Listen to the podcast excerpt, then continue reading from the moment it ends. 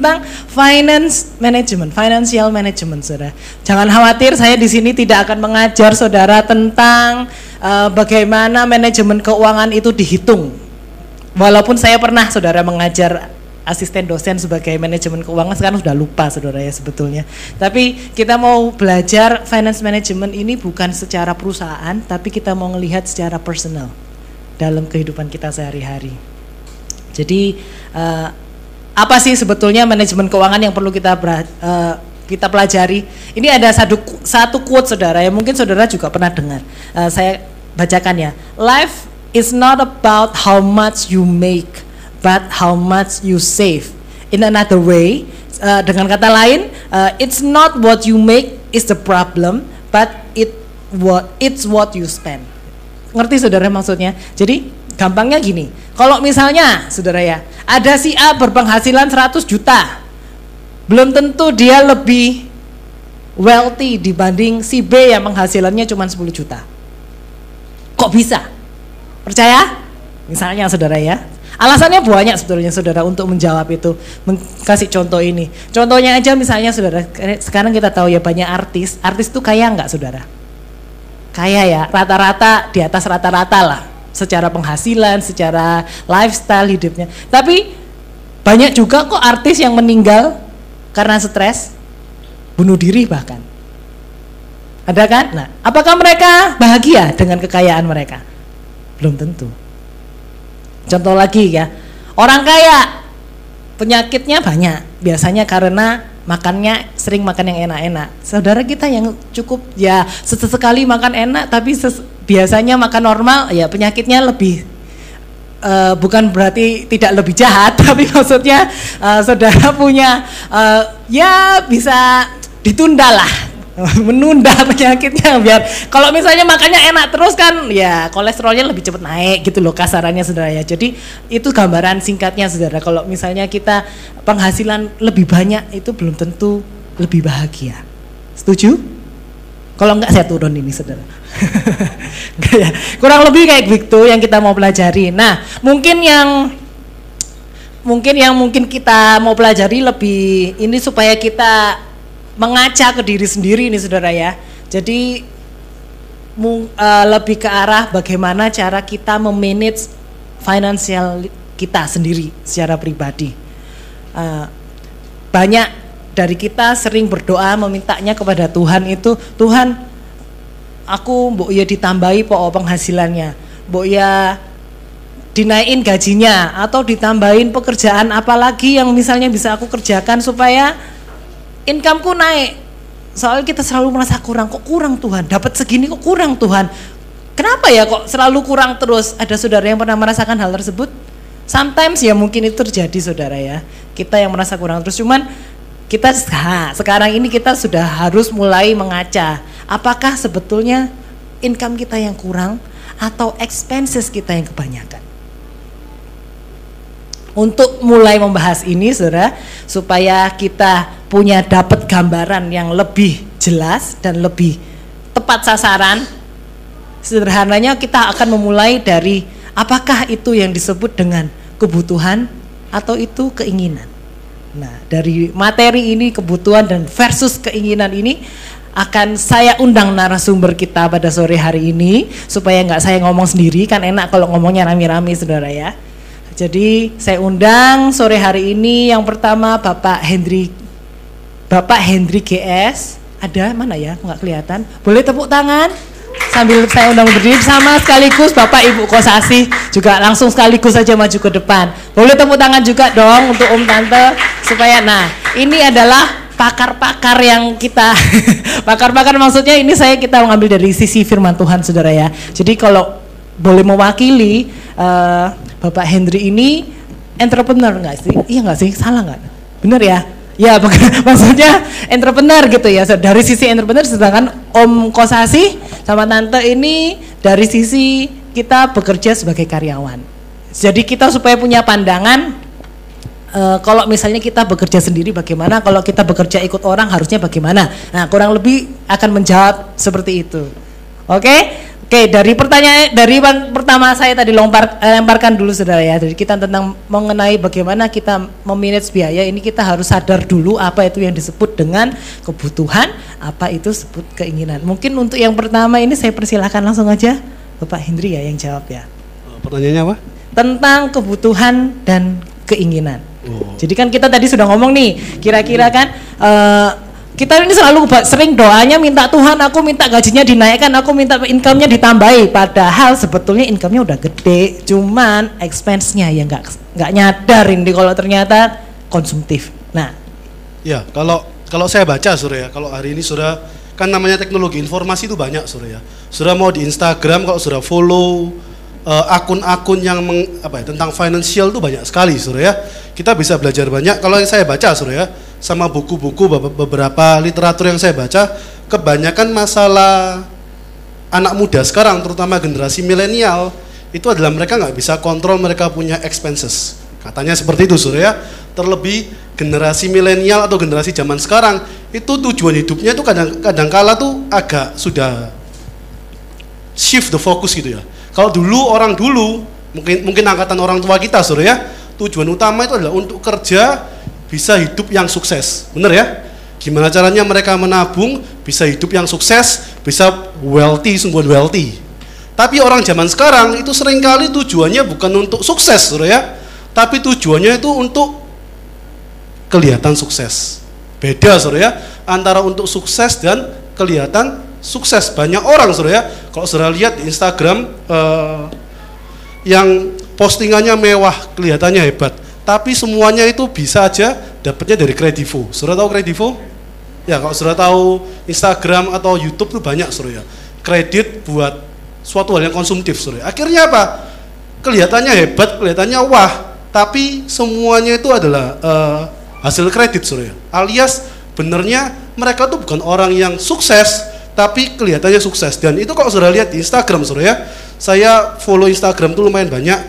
Yang apa namanya yang cerita ya atau yang apa ya CF eh, Certified Personal Finance eh CFP Certified Financial Planner Surya dia cerita Surya study case study case ada yang cerita seperti ini. Ini saya screenshot beberapa Surya Eh,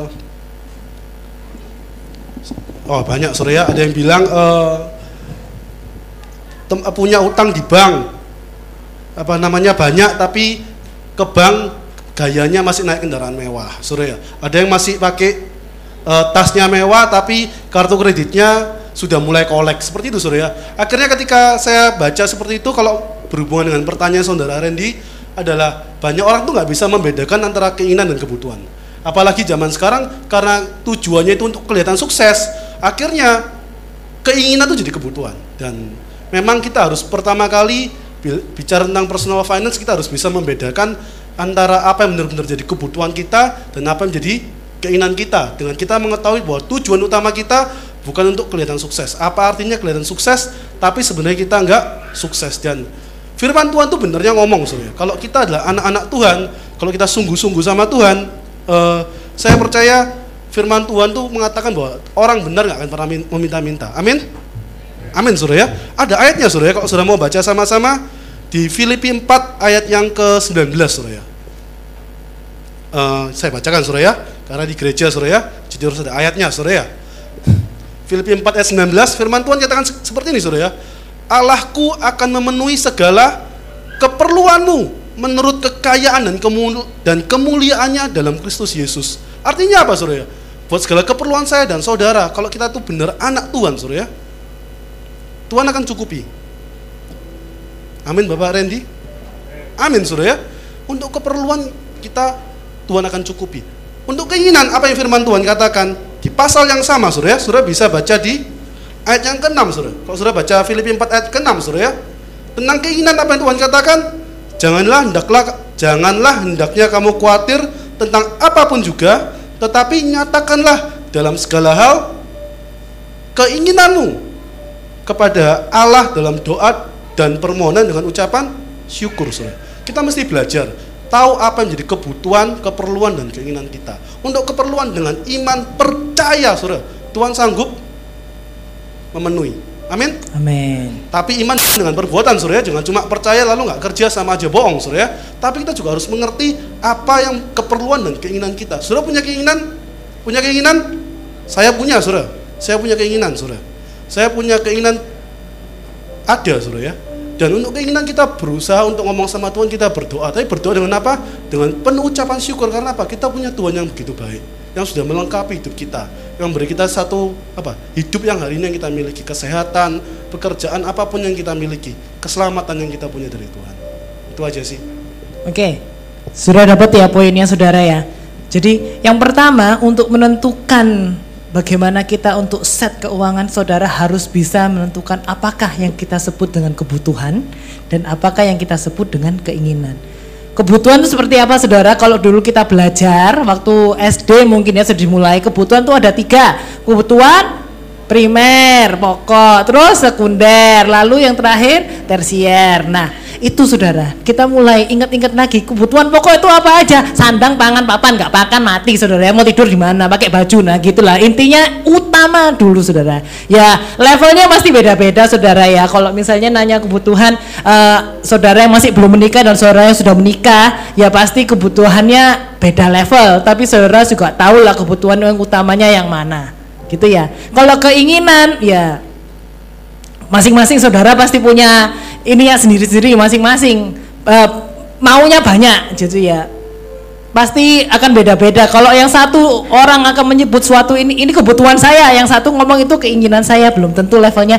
Belum tentu yang ngebut kebutuhan itu salah gitu ya saudara ya. Kita punya uh, masing-masing lah intinya. Kita punya bagian kita masing-masing. Bagaimana kita ini menanggapi mungkin supaya kita agak interaksi saudara ya. Seperti biasa ini talk show saudara ya. Bukan kita di sini sekedar ngomong satu arah. Jadi kita mengundang juga teman-teman sama-sama kita sama-sama belajar. Bukan berarti juga kita semua yang di depan sini kalau ngomongin masalah keuangan kita nilainya udah 100 semua. Enggak belum saudara ya. Saya juga masih belajar ya kita sama-sama belajar sore hari ini. Mungkin kita sudah tadi sudah ditayangin belum ya? Uh, kita mau seperti biasa akan mengadakan sedikit polling saudara ya. Saudara bisa gabung di websitenya slido.com. Itu kan? Nah, tinggal masuk ke website ya slido.com lalu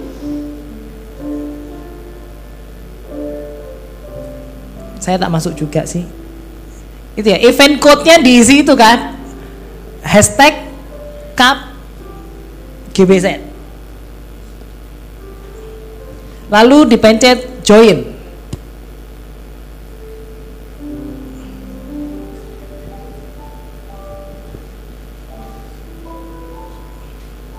Bisa?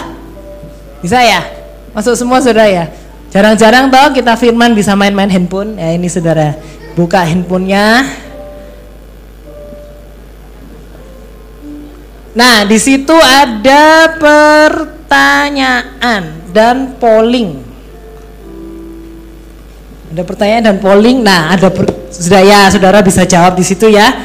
Isinya Apakah income Anda cukup untuk memenuhi ini kebutuhan, bukan lebutuhan, kebutuhan hidup Anda? Pertanyaannya ya atau tidak?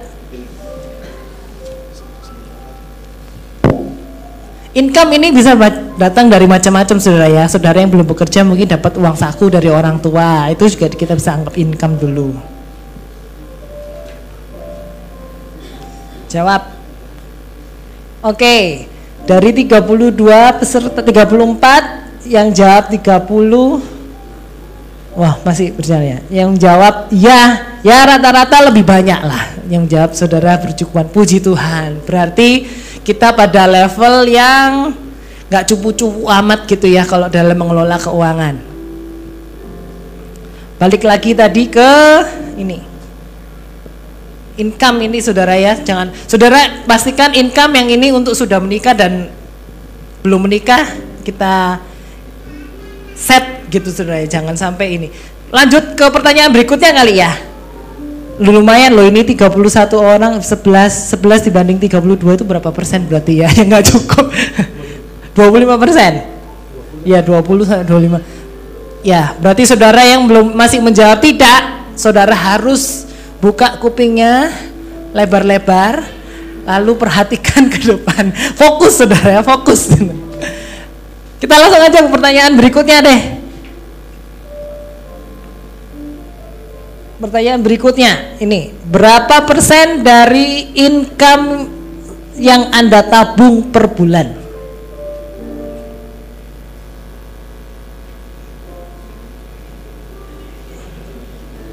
Tidak ada. 1 sampai 20 persen di atas 20 persen. Nah ini kita omong investasi kita anggap sebagai tabungan lah, investasi sebagai tabungan saudara ya.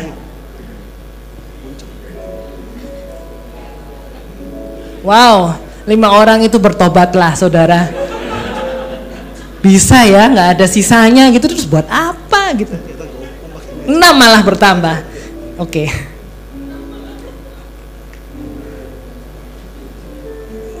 Ini ya ini sebagai seru-seruan saudara. Berarti ini menunjukkan bahwa kita di sini semua masih belajar. Siapa tahu yang enam itu saya termasuk salah satunya. Saya belum jawab sih saya jawab deh. Jawabanmu apa Ren? belum ngisi. Saya nggak pernah ngitung sebetulnya ya. Saya bingung juga kalau suruh jawab ini. Berarti gak kelebihanmu pernah. banyak Ren. Hah? berarti kelebihanmu banyak biasanya. Amin amin. Kelebihannya banyak. Oke okay lah, berarti kita dapat kurang lebih 1 sampai 20 persen. Ya ini 1 sampai 20 persen dibilang satu persen sudah nabung ya gimana ya satu persen. Oke okay lah, tapi anggap aja berarti saudara sudah punya uh, mindset untuk oke okay, saya harus nabung walaupun cuma satu persen. Ininya nggak salah, mindsetnya nggak salah, tapi angkanya mungkin yang kurang tepat. Oke, okay. supaya langsung lagi mungkin supaya enak langsung saudara lanjutkan ke pertanyaan yang ketiga. Ini penting. Apakah Anda memiliki hutang yang sifatnya konsumtif? Konsumtif itu artinya uh, yang ya nggak nggak nggak ada impact baliknya gitu loh saudara misalnya kalau investasi apa ya ngomongnya hmm, susah banget konsumtif pokoknya habis dipakai gitu Maksudnya nggak menghasilkan penghasilan lagi. Ya, tidak menghasilkan lagi. Habis dipakai saudara makan-makan itu kan habis kepake. Baju, ya walaupun nggak langsung habis, tapi kan habis kepake, nggak ada hasilnya lagi. Kecuali saudara jualan bajunya ya, dibeli terus dijualan lagi. Kartu kredit termasuk hutang dong, memiliki hutang yang sifatnya konsumtif. Mungkin pertanyaan ini kurang jelas ya. Kalau mau pakai kartu kredit saya juga pakai. Konsumtif iya. saya juga pakai, tapi apakah ya apakah limitnya gini Saudara. Sekarang kalau kita kan kartu kredit itu ya, Saudara punya kartu kredit dari bank A sampai bank Z punya semua. Jadi yang satu ini limitnya sudah habis ditutup dengan bank bank B, B habis ditutup sama C, C ditutup sama D. Jadi muter aja Saudara nggak bayar-bayar, cuma nambah utang itu ceritanya Saudara ya. Kurang lebih kayak gitu. Oke, cukup cukup cukup ya. Berarti saudara kita lihat apakah hutang saudara ya rata-rata kita masih ya ada berarti ya ada dari beberapa kita yang punya hutang yang konsumtif ya saudara. Mungkin kita nanti perlu banyak doa pelepasan supaya kita belajar untuk tidak banyak hutang yang konsumtif saudara ya. Hutang bukan berarti nggak boleh loh saudara. Kalau saudara misalnya untuk perusahaan ini ya diputar lagi duitnya itu boleh. Tapi kalau konsumtif yang nggak ada hasilnya lagi ya saudara. Cuman bayar bunga sama bunga sama pokoknya toh. Cuman habisnya cuman buat apa ya? Paling gaya-gayaan. Paling mentok itu kalau misalnya konsumtif. Oke, mungkin saya langsung tanya lagi aja deh ke para narasumber gini. Nah, berdasarkan dari misalnya Om Tante ini siapa yang mau jawab? Dari tiga pertanyaan tadi yang sudah kita utarakan ke teman-teman di KAP jadi banyak sih dari mereka ternyata yang merasa bahkan ada ada lah yang nggak banyak. Ada yang merasa income-nya tidak cukup ini Om.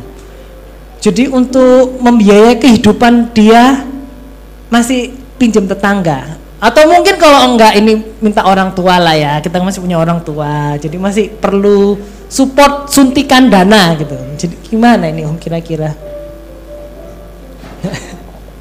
Ya puji Tuhan.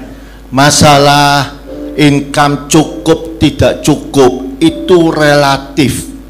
Semuanya tergantung dari kita. Apakah kita bisa mengendalikan atau memakai uang yang ada dalam hidup kita. Nah, contoh seperti kami memulai berkeluarga, kami nggak juga langsung enak ya. Intinya kami juga semuanya serba terbatas. Dari income saya juga terbatas. Pertama kali kami masuk dalam pernikahan, saya bekerja, istri juga bekerja, kita sama-sama dengan keterbatasan itu yang paling penting. Pada waktu kita terima income kita mengucap syukur kita berdoa bersama-sama. Ini yang kami jalanin. Dan semuanya itu dikelola dengan semaksimalnya. Jadi masalah cukup dan tidak cukup itu relatif. Tapi yang paling penting itu harus kasih prioritas dulu di dalam gaji itu. Saudara terima keuangan kasih prioritas. Mana yang harus didahulu didahulukan. Dan mana yang tidak? Misalnya contoh saya contoh. Kalau sudah berkeluarga dan berumah tangga sendiri rumah sendiri artinya itu biasanya yaitu nanti istri saya aja yang cerita gaji yang kita terima itu misalnya satu juta jangan anggap satu juta tapi anggap aja 900 karena 10 itu punyanya Tuhan itu saudara akan mengelola. Jadi di otak kita saya cuma punya 900 jangan bilang cuma punya satu juta tapi 900 setelah itu kasih prioritas. Nah prioritas-prioritas itu ya jujur aja yang lebih biasa mengelola itu istri saya biar istri saya aja yang sharing ya calon ibu-ibu tugasnya lumayan berat berarti ya. Jangan-jangan ibu-ibu yang konsumtif. Ya jadi memang ya kalau kita baca di Ibrani 13 ayat 5 itu dikatakan janganlah kita itu menjadi hamba uang. Kita sebagai anak-anak Tuhan itu firman Tuhan mengajarkan kita supaya kita itu nggak jadi hamba uang. Tapi kita belajar mencukupkan diri dengan apa yang ada. Bisa ditampilkan ya ayatnya Ibrani 13 ayat yang kelima. Nah mencukupkan diri dengan apa yang ada. Kalau kita sudah menikah itu dengan apa? Dengan gaji ya. Kalau kita lihat di dalam Lukas 3 ayat yang ke-14 itu dikatakan e, bisa ditampilkan Lukas 3 ayat 14 Ya, itu di situ ditulis dan prajurit-prajurit bertanya juga kepadanya. Dan kami, apakah yang harus kami perbuat? Jawab Yohanes kepada mereka, jangan merampas dan jangan memeras dan cukupkanlah dirimu dengan gajimu jadi kita tuh mencukupkan diri dengan gaji. Nah waktu tante dan om pertama kali menikah itu dua-dua bekerja. Setelah itu karena tante hamil, keadaan tidak bisa bekerja, jadi pemasukan itu cuma dari om saja. Nah apa yang harus kita cukupkan diri ini dengan gaji kita? Tadi kan sudah dibilang kebutuhan dan keinginan. Kalau kebutuhan rumah tangga yang harus dibayar, ya harus bayar listrik, bayar air. Itu yang harus kita bayar. Nggak mungkin tuh orang Kristen, loh kenapa rumahmu kok petengan? Oh ya kita romantis, kita mau lilin candlelight tiap hari kan ya nggak mungkin. Dan juga air, kan kita juga butuh air. Nah Terus apa yang waktu itu tante pangkas? Tante ini dulu waktu kuliah karena lulusan bahasa Inggris ya. Kita di anak-anak Inggris itu semester lima sudah biasa ngelesin. Karena kita sudah bisa cari uang sendiri itu untuk karena orang tua kebetulan cukup jadi uang les itu untuk pakaian ya konsumtif ya pakaian terus e, kosmetik jadi waktu sebelum e, menikah Tante itu pakainya produk-produknya Estee Lauder, kan punyanya Jenata ya. Nah, waktu menikah karena enggak ada enggak bisa beli itu akhirnya belinya apa? Bedak Mars. yang mungkin yang kalian tahu bedak Mars itu murah, bedak Mars itu. Tapi tante merasa tante enggak enggak akan kulitnya tante enggak akan rusak dan tante enggak pakai facial, enggak pakai krim malam, krim pagi, krim apa kalau mau ditulis itu satu-satu memang banyak ya biayanya ya. Nah, tapi karena kita habis itu punya anak, selain air, listrik, kita juga beli susu, harus belikan susu untuk anak. Terus ya semua yang bisa dipangkas dipangkas. Akhirnya kita berkorban. Kita sebagai istri berkorban, kita pangkas itu yang kebutuhan. Dan tante ingat salah satu hamba Tuhan itu bilang gini, kamu kalau mengaca, kamu sisir bilang kamu itu punyanya Tuhan, Tuhan yang jaga. Dan sampai saat ini, tante itu percaya tidak percaya tidak pakai produk-produk yang supaya awet muda, supaya begini, supaya begini. Tapi pemeliharaan itu dari Tuhan. Amin. Jadi semua kayak lipstick, oh enggak pakai lipstick gini gini gini enggak. Karena waktu itu ya sehari-hari ya di rumah menjaga anak. Kalau keluar ya mungkin yang diperlukan sunblock ya. Karena kan kalau saya kalau pakai sunblock itu pasti flek. Jadi yang yang paling perlu sunblock ya sudah beli sunblock. Nah, yang lainnya dipangkas semua. Juga begitu dan tante lihat Om juga mengurangi. Om ini hobi makan. Akhirnya kita makannya makan di rumah terus. Ya, jadi kebutuhan keinginan kadang itu ya Yakobus satu katakan kita itu dicobai oleh keinginan-keinginan kita. Terus akhirnya kita itu susah sendiri. Kita bikinlah hidup ini sederhana karena hidup itu sudah cukup complicated yang bisa disimpelkan kita simpelkan dan juga jangan merasa oh aku nanti jadi jelek, aku nanti jadi begini, aku nanti ada waktunya. Kalau dan Tuhan itu akan memberkati kita. Dulu tante enggak punya apa-apa, sekarang mau beli apa aja bisa. Tapi karena sudah dilatih, jadi enggak apa namanya orang itu enggak biak-biakan belinya itu terkontrol gitu ya. Asik ya saudara ya. Jadi ada waktunya, semua jadi ada waktunya. Bukan berarti dulu kalau misalnya nggak ada budget kosmetik nggak beli, beli kok bedak Mars ya tante ya, masih beli kok. Jadi ya bisa, mungkin kualitasnya diturunkan gitu saudara ya. Kalau makainya biasanya sehari tiga kali sekali aja supaya nggak habis-habis. Ya kurang lebih gitu loh saudara ya. Kalau Iya. misalnya itu. ya kayak sunblock itu saya kan cocoknya pakai sunblocknya si Shadow. Jadi belinya Mahal tuh tuh, setahun sekali. Ah, Anak-anak masih ingat tiap late night shopping itu kan ada diskonnya besar. Jadi tante itu belinya waktu late night shopping karena kan ada diskon. Jadi kita ya dikiati bagaimana yang ada diskon. Sampai kayak anak-anak itu bilang gini kalau bilang, Iya mama itu kalau beli pas diskon besar. Kalau diskon akhir tahun baru beli baju. Nah sampai tadi kalau tadi kita pergi ke mall mau beli baju Si Meme bilang gini Ma nggak nunggu New Year. Akhirnya kebiasaan Untuk tunggu supaya diskonnya besar. Ya jadi kita itu diatur keperluannya. Jadi tante tahu oh pakainya sandoknya segini-segini. Belinya setahun sekali tapi di stok karena kan murah gitu Ya saudara, ini nanti akan menimbulkan pertanyaan lagi saudara ya. Night shopping, ya saudara enggak butuh nih sekarang, tapi mau nyetok ini saudara ya. Waduh, ini ya.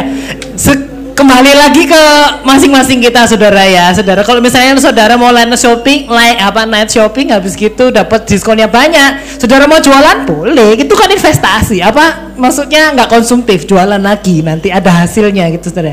Mung- ya, Silakan silakan Pak kalau mau menambahin. Eh, Iya, kalau saya sih setuju sekali ya sama Om sama Tante itu ya. Cerdas luar biasa Tante. Mengagumkan. File nanti pakai bedak Mars. Ingat. Ya, apa namanya? Menurut saya sih kata kuncinya memang di pengaturan Saudara ya. Karena firman Tuhan sendiri juga ngomong di eh, Lukas 14 ayat 28 Saudara ya. Kalau ayatnya bisa ditampilkan, itu firman Tuhan sendiri ngomong di Lukas 14 ayat 28 Sebab siapakah di antara kamu yang kalau mau mendirikan sebuah menara tidak duduk dahulu membuat anggaran biayanya kalau-kalau cukup uangnya untuk menyelesaikan pekerjaan itu. Nah, eh, firman Tuhan ngomong dalam segala sesuatu terutama dalam hal biaya Saudara ya. Tuhan ngomong suruh membuat anggaran Saudara ya. Nah, menurut saya kunci utama itu sering kali kita tuh meremehkan apa apa yang namanya pencatatan Saudara ya. Saya dulu pertama kali juga sama istri saya ya apalagi anak muda Saudara ya, dari pertama dari ketika kuliah selalu selalu cukup Saudara ya. meskipun eh, ya dikasih budget itu selalu cukup Saudara tapi saya nggak pernah ngitung. Saya pakai buat apa aja. Yang pasti 10% pasti buat Tuhan sisanya saya pakai. Ya saya nggak tahu saya pakai buat apa. Setelah menikah belajar ada ya, buat biaya anak biaya ada yang buat keinginan Saudara ya. Ada juga buat menabung Saudara ya belajar lambat laun saya belajar apa yang namanya eh, membuat anggaran Saudara suatu perkara yang penting kita tahu keadaan keuangan kita gitu. Dalam artian bahwa kita bisa mem- belajar membuat apa ya, pencatatan keuangan kita apa yang kita keluarkan seberapa banyak yang kita terima. Kalau perlu Saudara ya dari awal tuh sudah, sudah ada budgetingnya itu jelas. Jadi eh, 10% pasti buat Tuhan, living expense itu berapa persen, tabungan berapa persen dan lain sebagainya. Kalau kita sudah punya pengaturannya itu jelas, Saudara ya. Kita pakainya pun itu bisa dengan lebih apa ya? Lebih serak, Saudara. Karena kita tahu, oh, kalau emang jatahnya itu emang cukup segini aja. Kalau ini sudah cukup segini, jadi kita sebulan itu kita tahu, oh yang ini sudah limit ya sudah. Ada ada keinginan pun kita sudah, sudah tahu kalau ini udah nggak boleh karena limitnya sudah sudah habis. Saudara. Kalau kita nggak bikin anggaran, jangan-jangan seperti firman Tuhan katakan bahwa kita mau mem membangun menara, tapi ternyata biayanya nggak ada karena apa? Bukan karena Tuhan yang memberkati, saudara ya, tapi karena kebodohan kita sendiri, kita nggak pernah membuat anggarannya. Dan hari-hari ini, saudara ya, yang namanya bikin anggaran tuh nggak perlu orang cerdas, saudara, nggak perlu orang lulusan accounting atau apa keuangan, saudara ya, seperti Om Kosasi ini, saudara ya, apps di Google Store, saudara, di Play Store tuh banyak yang gratis, saudara bisa download. Itu saya belajar banyak dari istri saya ngajari, saudara ya. Itu ada yang bisa kasih budgeting, saudara. Budgeting lalu ketika sampai berapa persen itu notifikasinya muncul, saudara. Itu bisa semua dan itu ada. Kalau kita mau sedikit lebih disiplin, itu bisa semua. Dan saya sendiri juga disuruh sama istri saya, saya belajar punya dua rekening, saudara ya. Satu rekening pribadi buat terima gaji, yang satu lagi rekening khusus expense, saudara. Jadi uh, dari gaji itu saya tahu berapa persen yang memang saya khususkan buat expense saya. Jadi saya pecah dua rekening. Saya transfer ke rekening satunya lagi, yang satunya lagi itu khusus buat misalnya uh, makan sama koeko, suruh ya, traktir koeko gitu suruh ya. Ya itu ada budgetnya di sana suruh ya. Kalau sudah kelebihan, ya gantian koeko saya suruh traktir saya gitu suruh ya. Jadi ada pengaturannya seperti itu secara garis besar. Oke, saya mau tanya dulu, siapa yang pernah sudah mengerti konsep budgeting angkat tangan? Bagus, gak ada. ada saudara satu dua. Jadi saudara, uh, saya secara pribadi juga masih belum mempraktekkan sampai detail saudara ya. Misalnya dapat segini, lalu ini sudah dialokasikan. Tapi menurut saya juga salah satu upaya yang baik saudara ya supaya saudara yang terbiasa konsumtif paling tidak bisa direm dengan ngelihat dari uh, budgeting itu tujuan utama salah satunya itu tahu bocornya di mana. Kalau kita catat, kita tahu bocor maksimal di mana. Kayak laporan hmm. keuangan, temuan hmm. finance ya Pak ya. Hmm. Bapak orang finance ya Pak ya. Iya, kan dari laporan keuangan kan tahu saya ditanya. expense-nya paling besar di mana. Maksudnya kan bisa Bukan gaji saya yang jelas. Bukan gaji saya. saya dengar gaji Pak. Gitu. Oke, saya lanjut saudara. Di sini ada banyak pertanyaan sekali, banyak sekali pertanyaan. Uh, salah ngomong sampean. Kayak kayaknya kurang lebih yang banyak ditanyain di sini lebih ke arah kayak orang tua ya, ngasih orang tua gitu. Bisa dianggap sebagai tabungan enggak atau setelah ini let's say setelah ngomong kita setelah perpuluhan 10 persennya sudah pasti buat Tuhan terus sisanya lagi untuk membayar membayar uh, untuk ngasihin orang tua gitu kira-kira apakah itu merupakan suatu kewajiban atau itu gimana gimana kalau misalnya dari sisi Om Tante untuk menanggapi ya tentang pemberian kepada orang tua itu wajib apalagi yang belum menikah itu juga wajib. Tapi kalau yang sudah menikah itu dibicarakan dengan suami atau dengan istri. Intinya pemberian ke orang tua itu juga wajib. Tapi prosentasenya yang mungkin bisa dikurangi terlebih dahulu. Yang paling penting, yang paling penting jangan ambil jatah keluarga kita itu diberikan kepada orang lain atau termasuk kepada orang tua. Jadi intinya pemberian kepada orang tua itu harus dan wajib. Seperti perpuluhan. Kalau perpuluhan bukan wajib, itu bukan uangnya kita, itu uangnya Tuhan. Tapi pemberian kepada orang tua itu wajib. Besar kecilnya itu disesuaikan dengan kebut dengan keuangan kita.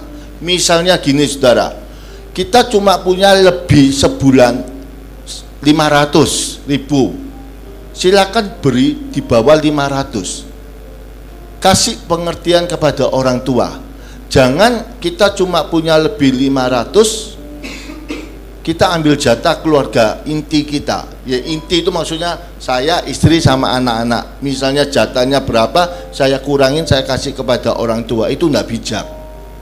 Itu tidak sesuai kebenaran firman. Tapi kalau mau kasih kepada orang tua, kasihlah porsi yang saudara ada. Otomatis dirundingkan dengan suami istri. Misalnya saudara, waktu bujang saudara lebih, saudara kasih ke orang tua satu juta.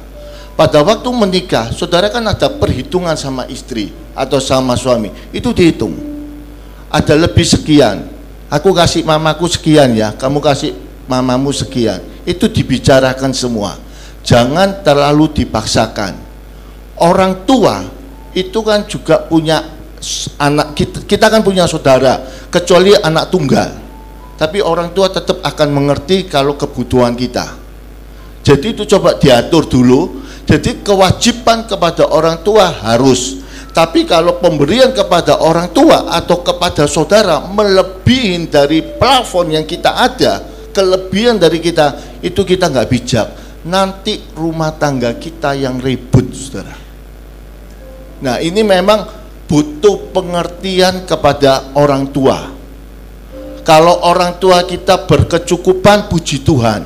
Saudara kasih, tidak kasih mungkin orang tua enggak mikir dulu saudara. Tapi kalau misalnya saudara tanya, lo papa mamaku lah aku enggak kasih tidak bisa hidup.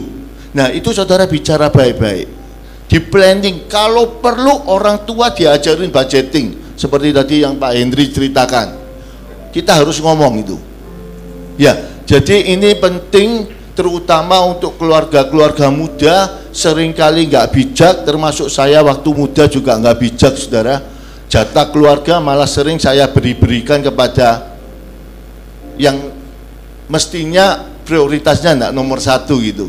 Jadi kewajiban kepada orang tua itu wajib dari kelebihan kita tidak dari kekurangan kita. Apalagi kita utang kasih ke orang tua atau bantu saudara.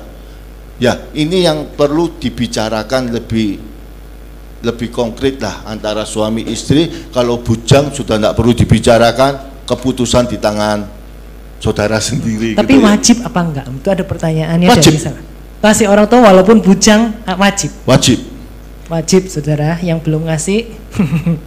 Ya, itu kalau apa Surya? Kalau Surya baca di internet Surya, itu ada istilahnya Surya. Kalau Surya baca, saya nggak tahu. eh, kasih ke orang tua itu wajib, saya setuju Surya. Kalau kita mampu itu satu anugerah bagi saya tuh bagi kita, saya sama istri, kalau kita bisa memberi buat orang tua kita, itu bukan masalah wajib dan nggak wajib juga, Surya. Tapi bagi kita tuh satu anugerah bahwa kita bisa membalas sedikit kasih yang sudah orang tua kita berikan buat kita, Surya.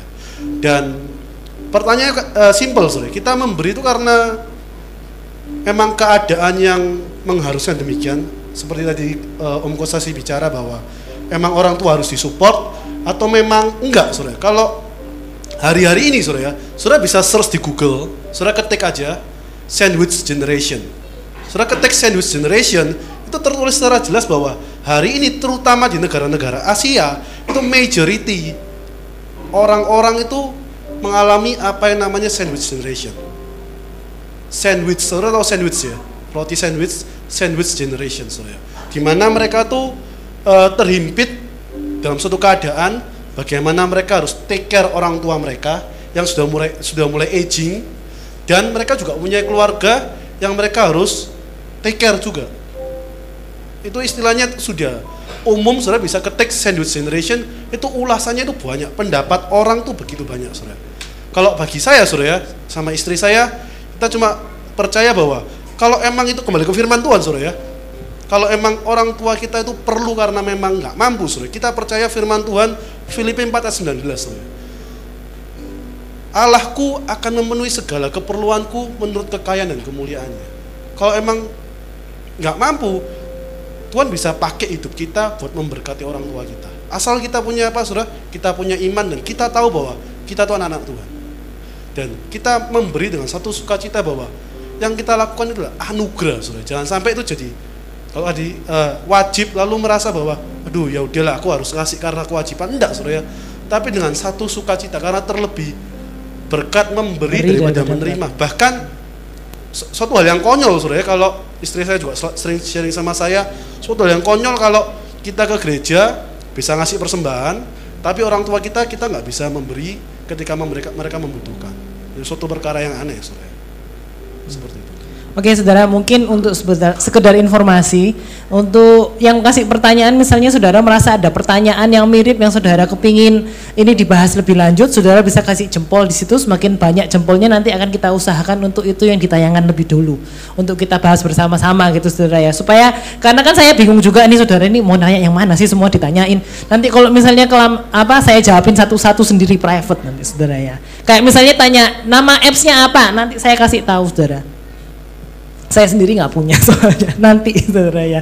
Oke, Om tadi ada pertanyaan sedikit juga terkait dengan ini, Eh, Om Tante. Eh, kan dia ini sudah ngasih perpuluh misalnya gajinya 5 juta, dia udah ngasih 10% buat perpuluhan, udah. Sisanya ya memang memang apa dia bingung antara eh, enak- enaknya nabung apa ngasih orang tua ya. Gitu.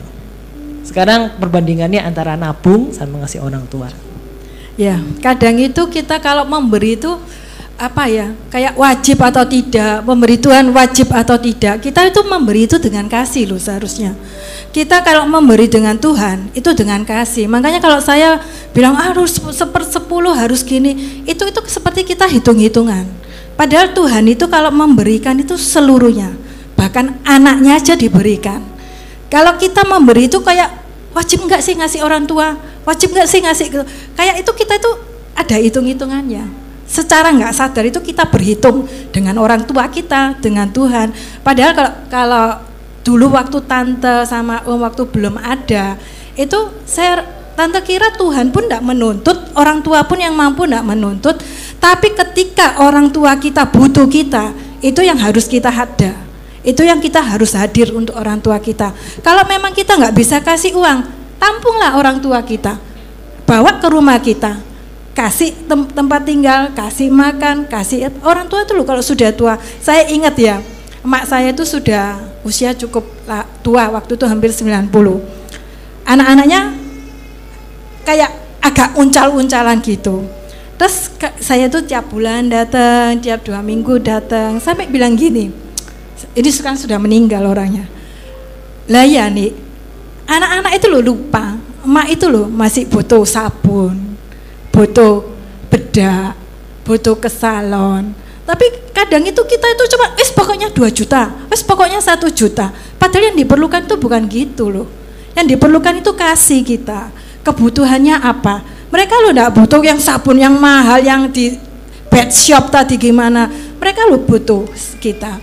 Nah, jadi kita itu kalau dalam hal uang janganlah terlalu kita ini kayak aduh hitung-hitungan terlalu dengan Tuhan, dengan orang tua. Kita lihat kalau memang orang tua butuh kita ya kita yang harus hadir untuk mereka. Toh kita ini bisa besar ya karena mereka. Kalau kita masa kita ini besar-besar sendiri ya enggak mungkin. Nah, tapi yang seperti tadi Om bilang, ada kalanya satu kali itu salah karena gini, eh, kita memberi itu tidak dengan perhitungan juga maksudnya gini, kita nggak punya ya. Kita ini kan sebagai orang tua juga. Sebagai orang tua kita harus bertanggung jawab sama anak kita. Kita harus tahu first thing first. Nah, kita bertanggung jawab anak ini harus tumbuh, butuh makan, butuh sekolah. Nah, waktu itu kesalahan yang Om Buan, uang sekolah ini yang tabungan sekolah diberikan semua sehingga ketika anak-anak mau sekolah tidak ada uangnya. Padahal kan sekolah tidak bisa berhenti. Tapi akhirnya berhenti dua tahun anak tante. Tapi dari kesalahan itu kita belajar. Kita belajar dan Tuhan itu pulihkan semuanya. Nah, jadi kenapa kita itu harus bijaksana? Kita bijaksana mengatur keuangan juga karena anak kalau yang sudah punya anak besok anak itu bertumbuh. Nggak, bu- bukan gini, sih tunggu ya, berhenti dulu tumbuhnya, berhenti dulu sekolahnya. Mama tak bantuin orang tua dulu. Orang tua kalau anu suruh tinggal, kita atur baik-baik, semuanya dimasukkan di budgeting bersama. Tapi ndak langsung kita ambil terus kasihkan. Nanti yang sana tenggelam, yang sini juga tenggelam. Seperti kalau di pesawat kan dikasih tahu, ambil alat pernafasan oksigen untuk kita dulu, baru bantu anak kita. Nah, jadi itu kita harus atur yang baik, bukan siapa dulu siapa dulu. Enggak. Kita atur yang baik minta hikmat Tuhan. Nah itu yang Tuhan lebih senang lebih bagus sebagai anak Tuhan itu. Jadi kita itu di orang tua juga bagus nggak salah nggak salah sama Tuhan. Dan di anak-anak kita juga bertanggung jawab. Itu.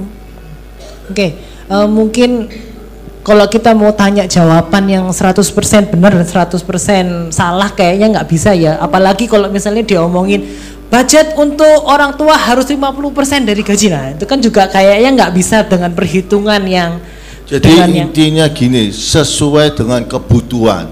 Saya pertama kali menikah sama istri, orang tua saya cukup, mertua juga cukup. Kita ngomong, "Pak, Ma, kita belum bisa ngasih ya." Orang tua pasti mengerti. Itu aja. Tadi seperti istri saya. Nah, kalau mereka butuh yang orang tuanya ya ya maaf pas-pasan juga, ya hadirlah pada waktu mereka membutuhkan. Itu aja intinya. Iya, oke. Ya. Oke. Juga kalau kita sekarang mau menanggapi nih Om Tante sama Henry, eh, kan ini tadi sudah ngomong bahas tentang nabung, orang kasih orang tua. Terus sekarang untuk ke diri kita sendiri gimana sih sebetulnya supaya kita sendiri juga kok kayaknya aku nih mudah jatuh di dalam dosa shopping. misalnya kok cek lemah ya ngelihat barang-barang diskon kayak eh guatel misalnya gak tak beli gak tak klik apalagi sekarang online shop gitu sih. So, online shop tuh sekarang sering nanti tanggal 10 10 diskon apa, tanggal 11 11 diskon apa. Jadi kayaknya sembarang-sembarang di diskon. Antara kebutuhan dan keinginan jadi kelihatan tipis. Loh aku butuh tapi nanti embuh kapan pakai eh. Tak beli sih ae, kadang luar sama gitu karena aku butuh. Nah, kira-kira untuk menanggapi yang kayak gitu gimana ya ini? Dari Saya sisi suka kita. shopping loh ya. Nggak suka shopping sama sih, sama berarti. apa ya Eh, kalau saya ya saya orangnya nggak terlalu suka shopping saudara ya saya lebih suka makan jujur aja Eh, Sama aja habis duitnya Iya. kalau cuma. Kalau pertama menurut saya paling utama saudara ya masalah sekarang sama eh, orang zaman sekarang sama zaman dulu mengenai shopping tuh masalah paling utama tuh akses ke informasi zaman dahulu akses ke informasi itu sangat sangat kurang saudara ya. sekarang eh, anggaplah 20 tahun yang lalu internet ya, internet belum semasif sekarang. Kita tahu satu toko itu diskon atau enggak, itu harus dari orang lain, atau kita harus pergi toko itu, atau kita pergi suatu tempat melihat brosurnya, atau melihat pelangnya baru kita bisa tahu. Benar saudara ya? Secara nggak sengaja kita melihat.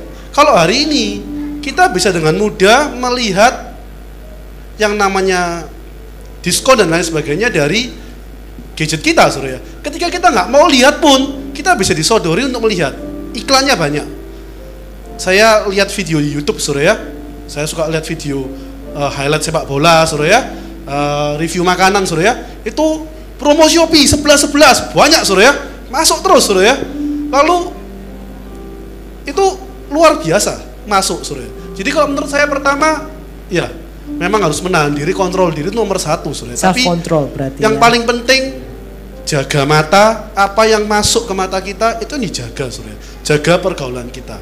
Paling simpel saudara kalau saya lihat hari-hari ini, kalau saudara mau mengurangi shopping saudara atau mengurangi budget belanja saudara dan mengurangi cobaan yang karena keinginan kita, jagai pergaulan kita, terutama pergaulan tersembunyi. Paling gampang seperti ini saudara. Saudara lihat Instagram saudara, ya kan? Online shop yang saudara follow berapa banyak? Kalau saudara mau ngurangin belanja saudara, simple. Online shop saudara unfollow semua atau blok semua. Itu yang nomor satu saudara. Saya eh, istri saya pernah cerita saudara. ya. Dia punya teman di sekolah saudara, ya, di sekolahnya anak saya suka belanja barang-barang branded saudara. Dia mengeluh saudara ya, sama istri saya cerita, tuh aku nih apa namanya gampang muda apa gampang tergoda kalau lihat barang branded peng apa gampang pengen bang, gampang suka kalau pengen tuh sampai ke bawah mimpi gitu ya sampai iya sampai seperti itu terobsesi saudara ya dinasehati. Tapi di HP-nya ya ketika nganggur di mobil buka Instagramnya apa saudara? Ya online shop saudara ya. Susah saudara ya. Sama aja bohong saudara ya. Kasarnya sama seperti dosa jembatannya itu harus dibuang dulu. Kalau saudara pengen ngurangin shopping ya pergaulan shoppingnya dikurangin.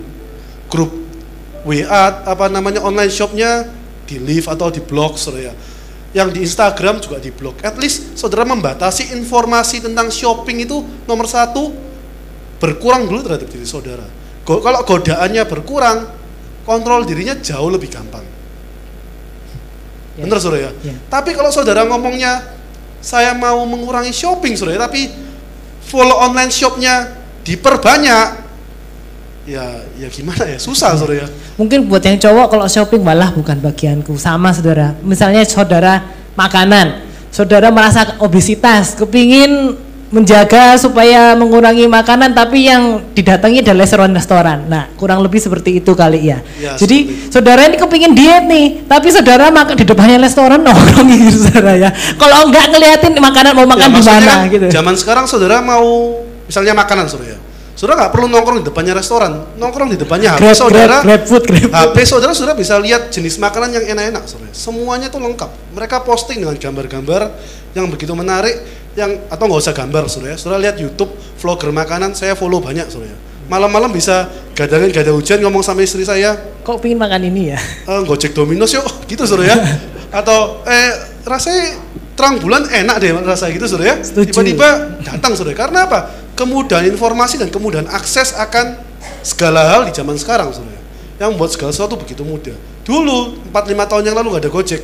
Mau saudara lapar jam 11 malam jam 10 Males malam. keluar ya. Ya gak keluar saudara ya. Sekarang tinggal klik semua sudah selesai. Ya, dicatat saudara ya. Berarti self control saudara juga perlu ditingkatkan. Sama putus jembatan-jembatannya yang mempermudah saudara untuk jatuh di dalam dosa makanan, shopping dan lain-lainnya saudara ya. Itu self control. Sekarang kalau misalnya kita ngelihat dari uh, firman Tuhan Om, ini kan ini kan self control itu kan dari kita saudara ya. Kalau misalnya tapi kayak apa caranya supaya self kita ini bisa kuat eh, secara self control kita ini bisa bertahan berdiri teguh dengan imannya supaya tidak mudah nanti habis di uninstall install lagi uninstall follow unfollow lagi maksudnya gitu itu kan artinya kayak jatuh bangun jatuh lagi bangun lagi ya gitu kurang lebih gimana? Ya kalau firmannya tadi kan sudah disebut sama Henry, pergaulan yang jahat merusak kebiasaan yang baik. Baik. Ya, jadi kalau zamannya Tante dulu, ya menghindari teman-teman segrup, jadi nggak pernah shopping, nggak pernah pergi ya di rumah terus. Tapi karena kan dulu nggak ada online. Kalau sekarang kalau mau menghindari ya pergaulan jahat yang sekarang ini ya pergaulan lewat sosmed sosmed itu lewat grab gojek ya itu jangan dilihatin malam-malam itu memang bisa lapar terus buka-buka tokopedia bisa kepingin belanja bahkan di grup kayak kemarin barusan beberapa hari yang lalu lagi musim tas Balencia ya Eh, yang ukuran 30 cm berapa? 16 sampai 18 juta. Ya sudah beli satu beli satu. Loh kayak beli kacang goreng. Jadi kadang kalau perempuan gitu eh, memang ada temennya tante itu karena addicted sama tas kalau lihat tas branded sampai dingin semua kalau nggak beli. Kalau pergi kelihatan nah supaya ndak seperti itu ya jangan pergi ke shopping lihat-lihat online online online barang-barang itu. Tapi kadang kita sudah tidak lihat online kayak tante tidak lihat online. Tapi di grup bahkan ini grup rohani. Oh aku barusan dibeliin suamiku tas. Ini ukuran 30 cm harganya ini di, difotoin ha- sentimeternya harganya. Nah gimana supaya bisa bertahan? Ya supaya bisa bertahan ya jangan dibaca jangan dilihat. Ya sudah karena kita ini harus fokus hidup kita ini eh, kalau ngikutin gaya-gayanya sosmed IG kalau kita baca ya di Amsal 13 ayat 7 ya. Sehingga banyak orang itu kalau di sini dikatakan ada orang yang berlagak kaya tetapi tidak mempunyai apa-apa.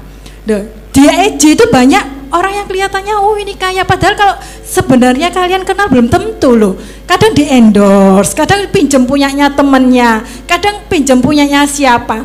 Nah kalau kita ini ya ada orang yang berlagak kaya tetapi tidak mempunyai apa-apa di IG banyak. Ada pula yang berpura-pura miskin tetapi hartanya banyak. Nah lebih enak yang mana? Nah, jadi kalau kita di grup ada kita harus tahu fokus kita. Jangan terus oh ya tas 16 18 siapa mau beli siapa mau beli warna apa? Terus kita langsung bilang iya. Waduh les dipesenin di situ terus waktunya bayar pusing. Nah, jadi kita harus tetap fokus sama ke kita ingat tujuan kita di dunia itu yang tadi itu Ibrani 13 jangan cinta uang. Dan jangan Yakobus tadi itu jangan kita itu digodai oleh keinginan-keinginan kita. Supaya nggak digodai banyak berdoa banyak berdoa. Terus cari pergaulan yang baik cari pergaulan yang kalau di gereja sini rasanya lebih aman ya? Atau enggak ya? Enggak tahu. Ya kalau Aman, aman, aman, ya masih aman. aman ya masih belum jor-joran branded-branded ya. Jadi ya masih aman. Kadang kalau tante itu ta- tapi mereka tahu. Kalau di grupnya tante yang roh yang persekutuan itu kan masih banyak anak muda. Dan memang mereka oleh kasih karunia istrinya orang orang-orang kaya semua. Tapi tante mereka tahu oh tante enggak, enggak seperti itu. Tadi baru bahas sama anak tante lah ya ya tas itu loh cuma isinya paling dompet sama HP tapi bisa sampai puluhan juta sampai ratusan juta dan itu pun dikejar. Sampai yang tipe limited edition tipe ini tipe ini. Tapi kita hidup bukan karena itu ya. Oke. kita harus tahu. Itu dari firman Tuhan ya saudara. Mungkin sekarang supaya kita lebih agak praktikal nih saudara. Balik lagi kita tadi bahas tentang budgeting. Kalau misalnya kasih bisa kasih contoh nggak Om Tante He- eh, saudara Henry ini eh, kira-kira proporsi yang bisa applicable ke teman-teman ini kira-kira gimana sih enaknya? Saving 10% eh, untuk investasi 20% untuk kebutuhan primer misalnya 50% nah mungkin supaya buat gambaran buat kita semua ya. Kita kan di sini juga masih mau belajar nih tentang budgeting. Jadi kalau misalnya yang sudah aplikasikan terus kasih contoh walaupun ini adjustable maksudnya tidak 100% bisa diaplikasikan ke semua saudara tapi paling tidak kita sudah semua punya gambaran kira-kira enaknya berapa berapa ada yang bisa jawab Ya, kalau masalah budgeting per persentasi itu semua tergantung dari masing-masing kita. Yang tahu kebutuhan kita itu ya kita sendiri. Kalau suami istri ya berundinglah berdua. Oh nanti ini sekian ya, investasi sekian untuk anak-anak sekian itu kita. Jadi cukup cukup cukup repot untuk dibahas secara eh, apa se- secara umum karena masing-masing kebutuhannya lain-lain gitu. Nah seperti sekarang kami berdua kebutuhan ya konsentrasinya bagaimana anak-anak bisa lulus sekolah itu yang kita perhatikan terlebih dahulu. Jadi relatif cukup tidak benar eh, cukup sulit lah untuk membentuk itu ya.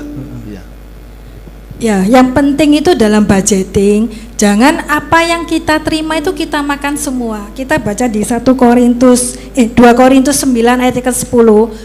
Itu jangan kalau kita punya gaji itu dimakan semua. Kita harus punya benih untuk ditabur. Karena Alkitab katakan yang tidak menabur tidak menuai. Nah, kalau kita tidak punya benih yang ditabur, apa yang akan kita tuai? Kita tabur ada perpuluhan, ada untuk pekerjaan-pekerjaan Tuhan. Dikatakan di sini, ia yang menyediakan benih bagi penabur dan roti untuk dimakan. Jadi Tuhan itu menyediakan roti untuk kita makan, kebutuhan kita itu Tuhan sediakan. Tapi Tuhan itu di dalam gaji, di dalam berkat yang Tuhan kasih kepada kita, itu Tuhan titipkan benih untuk ditabur buat pekerjaannya. Kita jangan langsung semua itu kita kalap, waduh dipakai kita sendiri. Ada benih yang dititipkan oleh Tuhan untuk kita tabur bagi pekerjaan Tuhan, bagi kerajaannya. Dan nanti dia itu akan melipat gandakannya. Karena Tuhan itu Tuhan kita itu Tuhan yang ajaib. Ketika kita taat di satu firman, dia akan kasih firman yang lain. Ada benih yang dilipat gandakan. Kita menabur benih jagung, kita tidak dapat satu biji jagung, tapi kita banyak sekali jagung. Kalau kita semua makan kita kita greedy, kita tidak akan mendapat apa-apa. Tapi ketika kita menabur untuk pekerjaan Tuhan, Tuhan itu akan mengembalikan berlipat-lipat kali ganda. Karena apa yang kita tabur itu kita tuai. Ya kalau kalau sudah tanya teorinya Surya di itu banyak Surya. Tiap orang tuh masing-masing saya saya ada baca beberapa referensi itu macam-macam Surya. Tapi yang paling umum Surya yang paling umum yang bisa saudara kalau cari di internet tuh ada. Yang paling umum tuh rumusnya tuh 50 30 20 saudara. Kalau saudara ketik di Google juga bisa keluar cepat langsung. Money, uh, money management 50 spasi 30 spasi 20 saudara ya.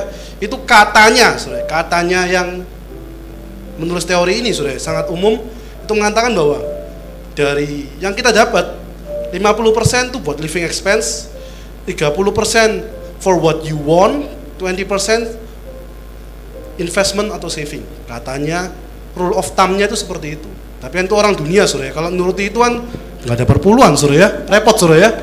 Jadi itu susah karena tiap orang masing-masing beda-beda. Kalau sudah mau referensi lagi, saya saya ada beberapa suruh ya, beberapa orang yang saya pernah catat ya banyak suruh ya kalau saya sebutkan cuma kalau paling umum suruh ya itu 50 30 20 tapi ya, apakah itu bisa dipakai relevan Enggak selalu karena saya baca juga bahwa money management atau pembagian budgeting berdasarkan presentase itu nggak relevan karena tiap orang punya kebutuhan yang berbeda-beda. Tapi intinya yang harus ada itu adalah untuk kalau kita orang beriman perpuluhan menabur buat pekerjaan Tuhan, memberi buat orang tua, living expense kita dan plus usahakan kita bisa menabung. Kalau mungkin menabung hari ini nggak relevan, lebih investasi. cocok investasi.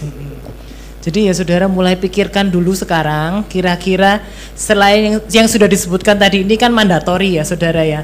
Kayak perpuluhan ngasih orang tua terus uh, living expense itu saudara prioritaskan mandatori kan dulu. Sisanya saudara bisa bagi-bagi sendiri. Dengan ya menurut saya secara pribadi saudara ya 50 30 20 ya itu umum lah saudara ya. Saudara pasti bisa main-mainkan di situ Apalagi kalau saudara bujang saya yakin 50-nya itu lebih sedikit. Jadi maksudnya living expense-nya itu paling ya cuma 30% doang. Wonnya yang kebanyakan nah itu wonnya yang saudara alihkan untuk investasi atau nabung. Mungkin ini pertanyaan yang agak sedikit berbeda dari yang lain ya. Tadi ini teman-teman juga ternyata banyak yang uh, penasaran. Kira-kira apakah lebih baik menabung, investasi atau main saham? Investasi atau main saham itu satu ya. Kira-kira menabung atau investasi? Kalau misalnya ada teman-teman ini ngasih saran enak, enaknya menabung atau investasi? Ya boleh siapa pun yang mau jawab. Uh, ya lebih baik menabung atau investasi. Mungkin nanti Om Kosasi bisa lebih lengkap, saudara ya. Uh, ya kalau saya ya pasti lebih baik investasi, saudara. Karena kan kita mau apa yang kita miliki itu enggak diam dikrokoti sama apa yang namanya inflasi sudah sudah sudah secara umum tahu inflasi sudah karena uang kita hari ini 10 juta tahun depan secara value 10 juta tapi secara real value-nya itu enggak 10 juta lagi sudah ya karena dulu kita masih saya masih sekolah uang sekolah 2000 eh uang sekolah. Apa namanya makan 2000 sudah sudah bisa kenyang sudah hari ini 2000 sudah kasih tukang tukang parkir aja diusir ya. Nggak boleh parkir sudah ya jadi ya memang investasi itu menurut saya kalau kita punya spare lebih ya satu hal yang wajib. Tapi investasi di bidang apa? Nah itu masing-masing juga. Ya harus sesuai dengan risk profile masing-masing. Sama kasarannya time time horizonnya mau berapa lama Suraya dan yang paling penting itu kali ada satu satu uh, kalimat mengatakan seperti ini. Investasi itu dalam hal buy what you know and know what you buy. Paham saudara maksudnya ya? Buy what you know and know what you buy. Seringkali itu orang orang itu keblinger saudara ya. Apalagi di Indonesia, keblinger ketika investasi itu mikirnya apa? Waduh, ini returnnya sebulan bisa 15%, bisa 20%, bisa belasan persen. Kalau investasinya itu too good to be true saudara ya, ya saudara harus mulai hati-hati saudara. Ya, dan ya, ya itu harus apa namanya istilahnya harus do your own homework saudara ya. Saudara harus belajar sendiri yang sesuai itu di mana. Sesuai dengan keadaan dan risk profile masing-masing dan tujuan masing-masing. Tapi yang intinya musuh utama kita dalam hal menabung itu kita harus mengalahkan inflasi. Menurut hmm. saya sih seperti itu. Itu saudara ya. Cuman saudara juga perhatikan ini karena karena kebetulan saya juga orang uh, bekerja di bidang finance, saudara saya tahu sedikit. Jadi misalnya saudara uh, perlu uang yang secara liquid saudara ya maksudnya liquid itu mudah dicairkan saudara perlu duit ya saudara spendnya di saving aja berapa persen investasinya saudara pakai yang jangka panjang yang misalnya saudara yang, yang tidak mau juga bisa. Nah? Kayak saham kan liquid. ya liquid cuman maksudnya mau jadiin duit langsung kan memang harus ada usaha lebih kalau tabungan kan Saham bisa liquid. Iya maksudnya. Iya, saudara eh, daripada saya berantem sama dia saudara ya. Maksud saya bukan gitu sih? sih. Nggak, intinya gini, saudara kalau misalnya tabungan sama investasi itu ya saudara yang seperti yang diomongin saudara itu saudara ya, itu memang penting sekali bahwa eh, saudara maunya dalam jangka waktu yang berapa dan resiko yang saudara mau tanggung itu seberapa besar. Kalau saudara mau duduk manis diem-diem dapat duit, nah deposito yang paling gampang. Tapi kalau mau yang agak sport jantung sedikit, saham misalnya gitu ya saudara. Karena saham itu kan fluktuatif, bisa naik bisa turun. Nah saudara kalau butuhnya long term, ya ya tidak apa-apa, duitnya akan nyantol di situ gitu loh maksudnya. Jadi saudara nggak bisa ambil sekarang. Kalau misalnya lagi diambil sekarang pas lagi turun, ya saudara seolah-olah ada kerugian dari situ. Nah intinya kalau terkait investasi dan tabungan kurang lebih seperti itu. Mau nambahin lagi? Ya, kalau kita sebagai anak Tuhan, kita itu buka di satu Tawarik 12 ayat 32 ya. Tadi kan dikatakan investasi, saham, lain-lain ya. Mungkin bisa ditampilkan satu Tawarik 12 ayat 32 itu dikatakan demikian. Dari benih Isakar, orang-orang yang mempunyai pengertian tentang saat-saat yang baik sehingga mereka mengetahui apa yang harus diperbuat. Jadi kita itu sebagai anak-anak Tuhan itu Tuhan kasih timing, Tuhan kasih momen. Dulu waktu zamannya tante, mungkin belum ada saham, belum terlalu investasi, tapi Tuhan itu saya pimpin. Jadi kita itu beli rumah, beli rumah dengan kredit ya, mesti pastinya karena kita kan tidak punya uang, kita beli rumah, tidak sampai setahun rumah itu dari harga berapa tadi pertama yang kali rungkut itu 6 90 ya. Jadi 100 jadi 150. Jadi kita beli rumah 90 baru cicil setahun jadi 150. Terus kita beli rumah di Nginden itu 240 jadi 500. 40. Jadi dalam cuma setahun, dua tahun. Nah, jadi kalau itu ada timing, ada waktu yang Tuhan per- itu beri seperti kaum Isakar ini. Jadi kuncinya kita anak-anak Tuhan, jadilah seperti Isakar. Gimana kok bisa dia itu mengerti saat-saat yang baik, mempunyai pengertian tentang saat yang baik. Kadang mungkin saat ini investasi, saham, tapi ada momen di mana saham itu jatuh semua. Ada yang investasi rumah sekarang enggak jadi. Sekarang kalau rumah kurang karena banyak peraturan-peraturan. Jadi kita harus ngikutin deket sama Tuhan. Tuhan nanti kasih tahu apa yang terbaik yang bisa kita investasikan. Ya, saya sedikit tambahkan kalau saudara mau investasi di emas, saham, itu yang paling penting jangan pakai uang putar. Misalnya bisnis, uang perputaran enggak boleh. Itu harus uang betul-betul saudara tidak pakai untuk jangka waktu tertentu. Saham juga seperti itu. Tadi Pak Indri bilang blue chip belum tentu juga mesti untung. Blue chip itu maksudnya yang paling ramai yang sering diperdagangkan. Misalnya kalau di Indonesia BUMN, BUMN, BCA, Bank Mandiri, BRI itu. Tapi jangan pakai uang perputaran. Itu yang bisnismen. Nah, kalau yang bekerja ikut orang jangan pakai uang gaji. Tapi pakailah uang saving, uang tabungan yang betul-betul dalam jangka waktu tertentu itu kita pasti tidak akan pakai. Itu silakan bermain dan itu pasti biasanya ya ya tidak pastilah. Rata-rata itu keuntungannya cukup besar. Nah, kalau kami dulu Tuhan pimpin kami di rumah. Tuhan berkatin luar biasa. Beli rumah 1,1 terakhir tidak sampai satu tahun di- kita jual 1,8 saudara Tuhan berkatin dengan luar biasa jadi tergantung juga tadi istri saya cuma yang perlu saya ingatkan kalau saudara bermain-main investasi forex emas saham jangan sekali-sekali pakai uang perputaran uang kehidupan sehari-hari nanti waktu turun saudara panik pasti jual rugi itu yang menyebabkan kita akhirnya kesusahan. Ya, itu aja sedikit yang saya tambahkan. Jelas saudara ya. Jadi jangan saudara merasa supaya saya bisa dapat lebih, saya harus melakukan ini itu, tapi ternyata dalam perjalanan saudara butuh duitnya, akhirnya dijual rugi ya nggak jadi untung malah buntung saudara. Ya ya. intinya kan harus belajar dulu. Know what you buy, eh buy what you know and know what you buy. Jadi intinya tuh benernya kalau tadi omongannya Om Kosasi tuh musuh utamanya itu keserakahan. Kadang-kala kalau ngeliat kayak gituan, ngeliat orang lain, lalu baca historinya, aduh eh, beli investasi A ini selama lima tahun naiknya 300 lalu mata gelap pakai uang apa pun dimasukkan di sana gitu ya. Padahal kan pas data, apakah apa namanya future-nya bakal seperti itu ya kita nggak akan pernah bisa predik gitu. Akhirnya apa musuh utama tuh dalam hal investasi salah satunya itu greedy alias keserakahan. Nah, serakah.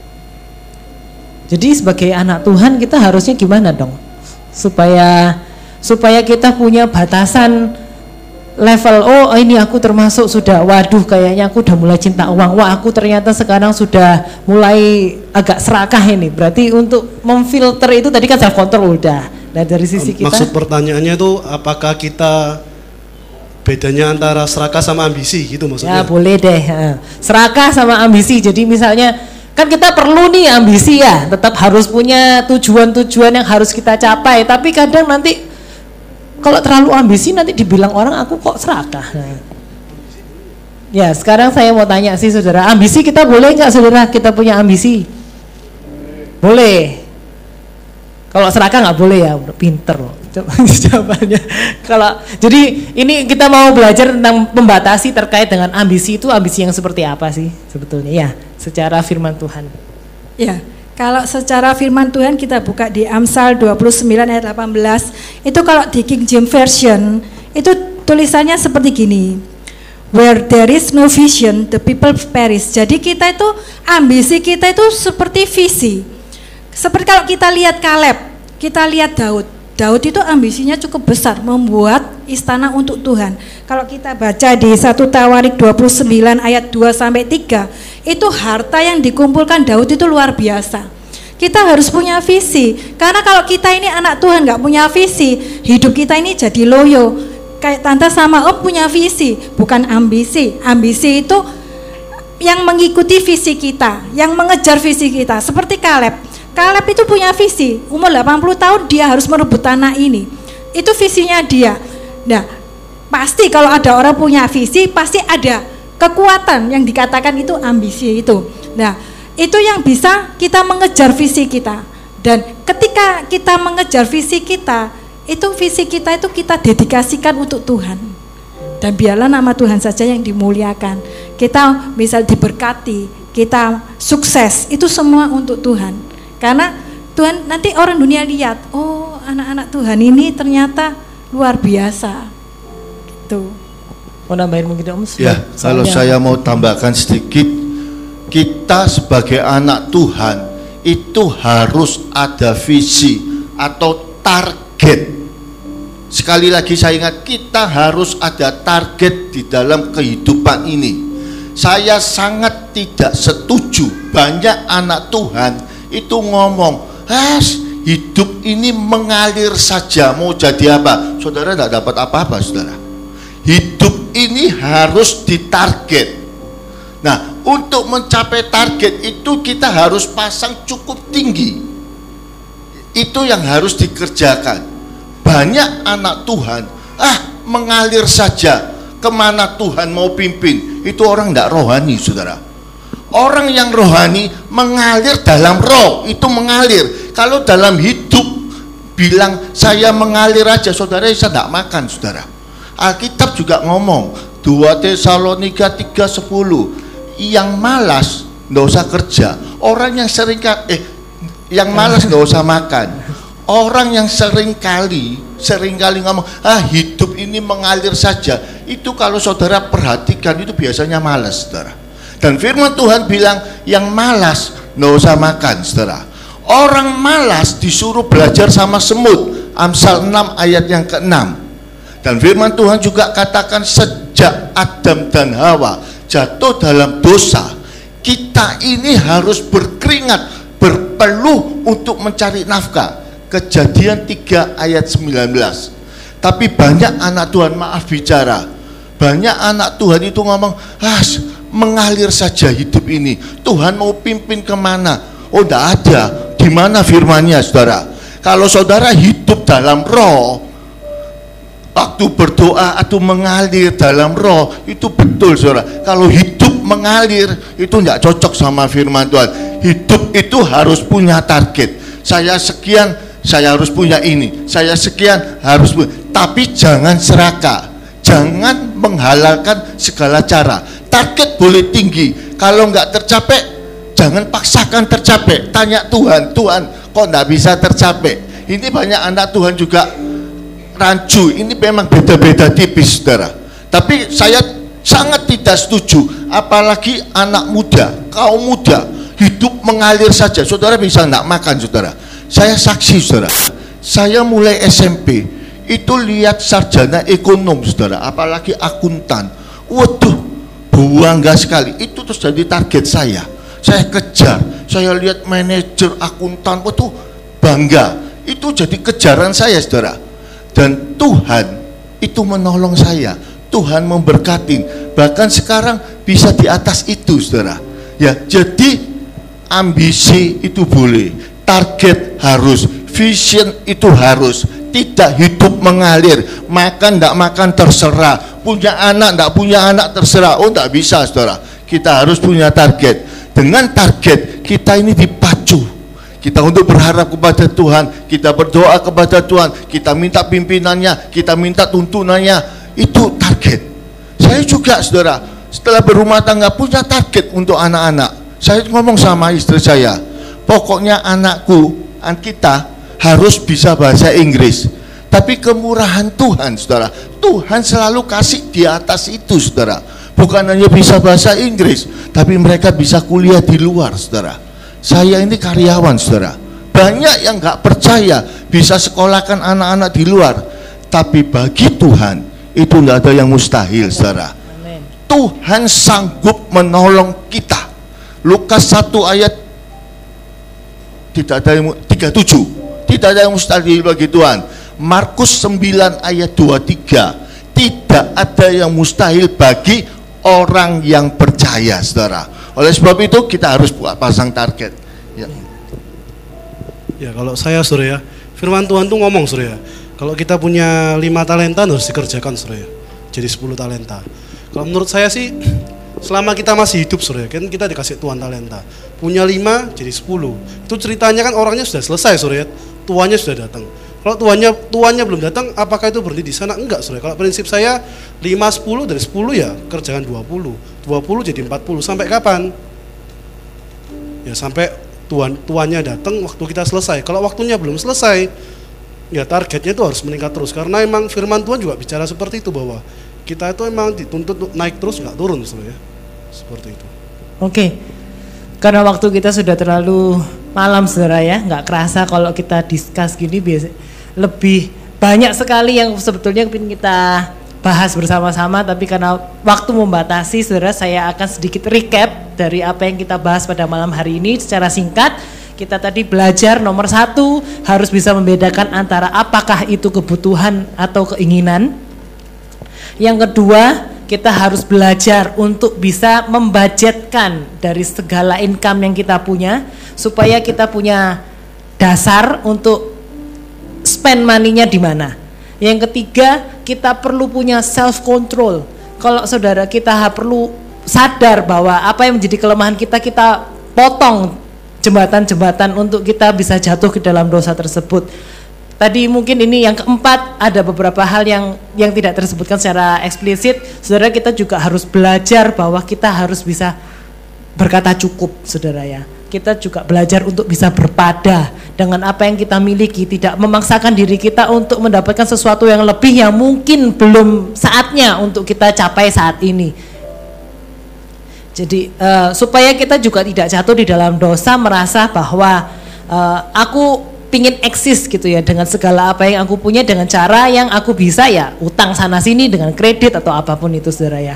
Self control cukup berasar cukup contentment sama bisa berpada. Dan yang terakhir kita perlu punya visi saudara. Kita perlu punya tujuan hidup kita apa. Jadi untuk mencapainya itu perlu dengan ambisi-ambisi misi-misi kita. Asal tidak berarah menjadi serakah dan yang membuat pokoknya kita harus mencapai dengan cara apa pun pokoknya harus dicapai dengan ini karena tujuanku seperti ini. Tidak seperti itu juga saudara ya. Jadi dari kelima poin ini kita berharap pada sore hari ini kita semua bisa belajar menjadi pribadi yang lebih bertanggung jawab dalam mengelola uang di hadapan Tuhan.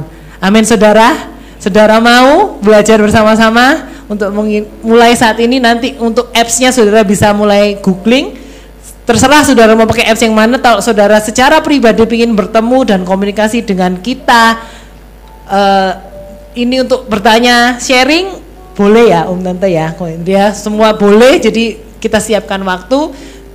Tapi sore hari ini kita mau akhiri dulu. Saya kembalikan ke pemimpin acara hari ini. Jadi intinya itu lima topik ini kita kasih tepuk tangan buat pembicara dan narasumber kita sore hari ini. Sama sekali saudara sambil menunggu kita berdoa dulu saudara ya.